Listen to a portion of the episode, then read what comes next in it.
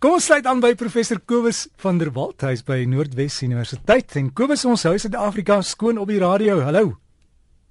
Môre Dirk. Môre aan al ons omgewingsvriende. Ek uh, wil vanoggend 'n brief behandel wat ek ontvang het van meneer Piet van der Walt wat handel oor die toestand van ons land se waterbronne en meer spesifiek ons land se damme. Nou meneer van der Walt het vir my 'n berig aangestuur waarin daar uitgespel word dat 670 miljard rand nodig is om al die rioolwerke wat stukkend is te herstel in ons land. Nou ons land se hele begroting is 1100 miljard. So dis omtrent die helfte van ons land se totale jaarlikse begroting wat nodig is slegs om die, die rioolwerke te herstel wat stukkend is en nou dis nou dan praat ons nou nie eers van enige opgraderings, vergrotings of uitbreidings wat nodig is omdat daar al hoe meer van ons mense uh na ons stede en dorpe toe trek in ons land nie. Nou die spesifieke berig doen weer eens 'n beroep op die departement van water en sanitasie om dringend sy verouderde riool-infrastruktuur op te knap om te voorkom dat ons land in 'n algehele waterkrisis gedompel word. Want as dit gebeur is daar natuurlik baie negatiewe ekonomiese gevolge ook.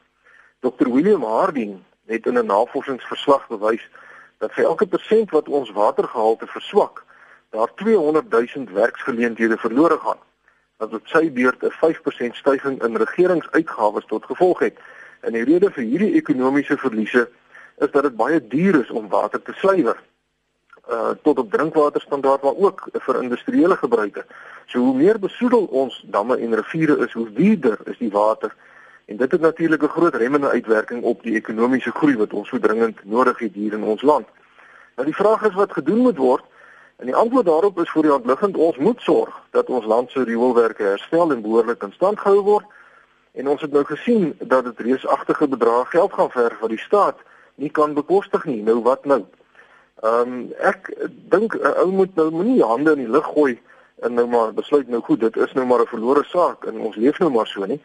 Uh ek is nie bereid om moed op te gee nie en daarom dink ek dat dit dringend noodsaaklik is vir die privaat sektor om in te gryp in hierdie saak. Omgewingsvriende sal moontlik onthou dat ek verlede week al die idee geopper het dat munisipale watervoorsiening en rioling uh, rioolbehandeling geprivatiseer behoort te word.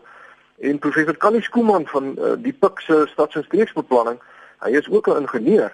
Hy het my vroeër die week geskakel en hy het dieselfde idee geopper. Nou ons dink die land se riviere en damme moet steeds deur die nasionale regering bestuur word, maar dat privaat maatskappye deur 'n tenderproses aangestel moet word in elke dorp en stad om die munisipale waterverwante sake te bestuur. Kom ons kyk byvoorbeeld na Potchefstroom hier waar ons nou woon. Sê nou maar 'n maatskappy met die naam Potchwater kry nou die tender. Dan moet Potchwater eerstens 'n waterverbruikslisensie by die departement van waterwese verkry om water uit die Mooi rivier te onttrek vir munisipale gebruik.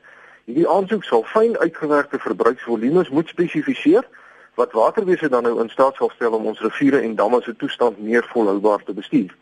Verder sal Potchwater ook 'n lisensie moet bekom om behandelde rioolwater terug te laat vloei in die Mooi rivier in en daardie lisensie sal streng voorwaardes met betrekking tot die gehalte van die water stel.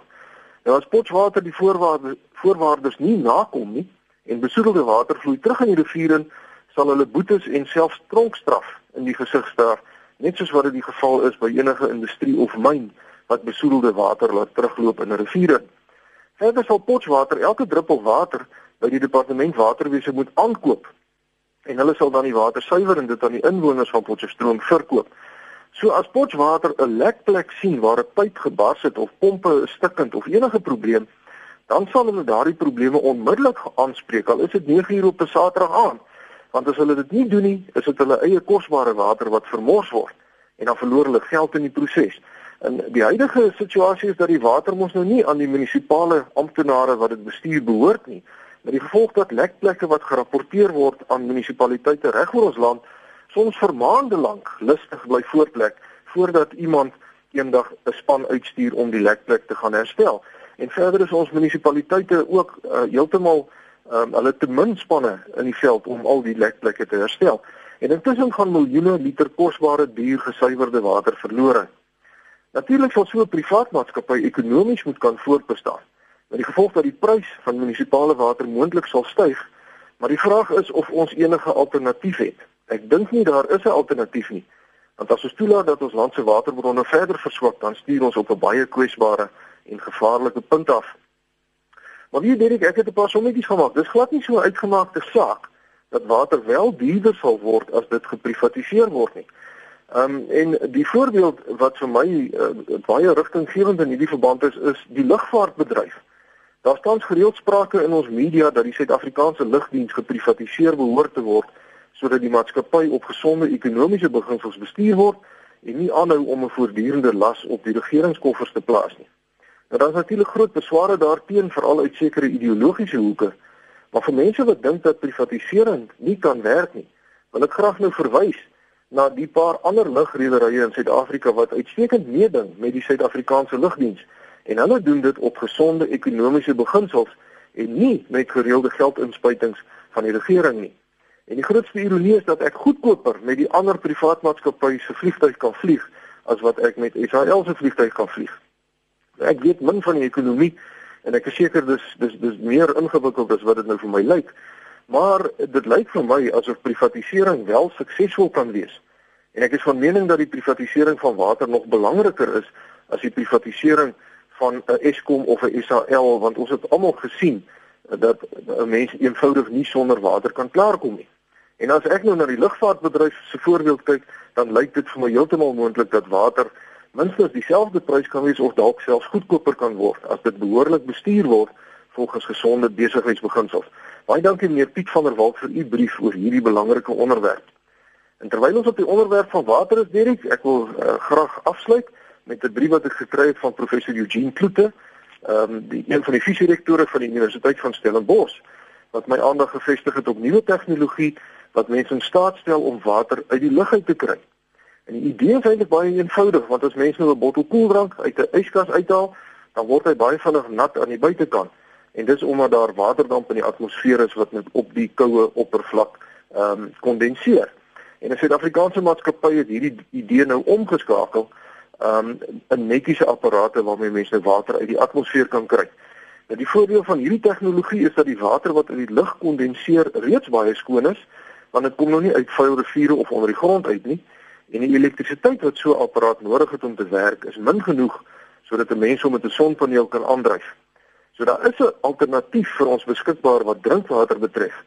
En ek het hierdie maatskappy se besonderhede op omgewingspraatjies se Facebook bladsy geplaas sodat mense wat belangstel kan maar net daar gaan kyk. Die apparate is tans wel nog redelik duur.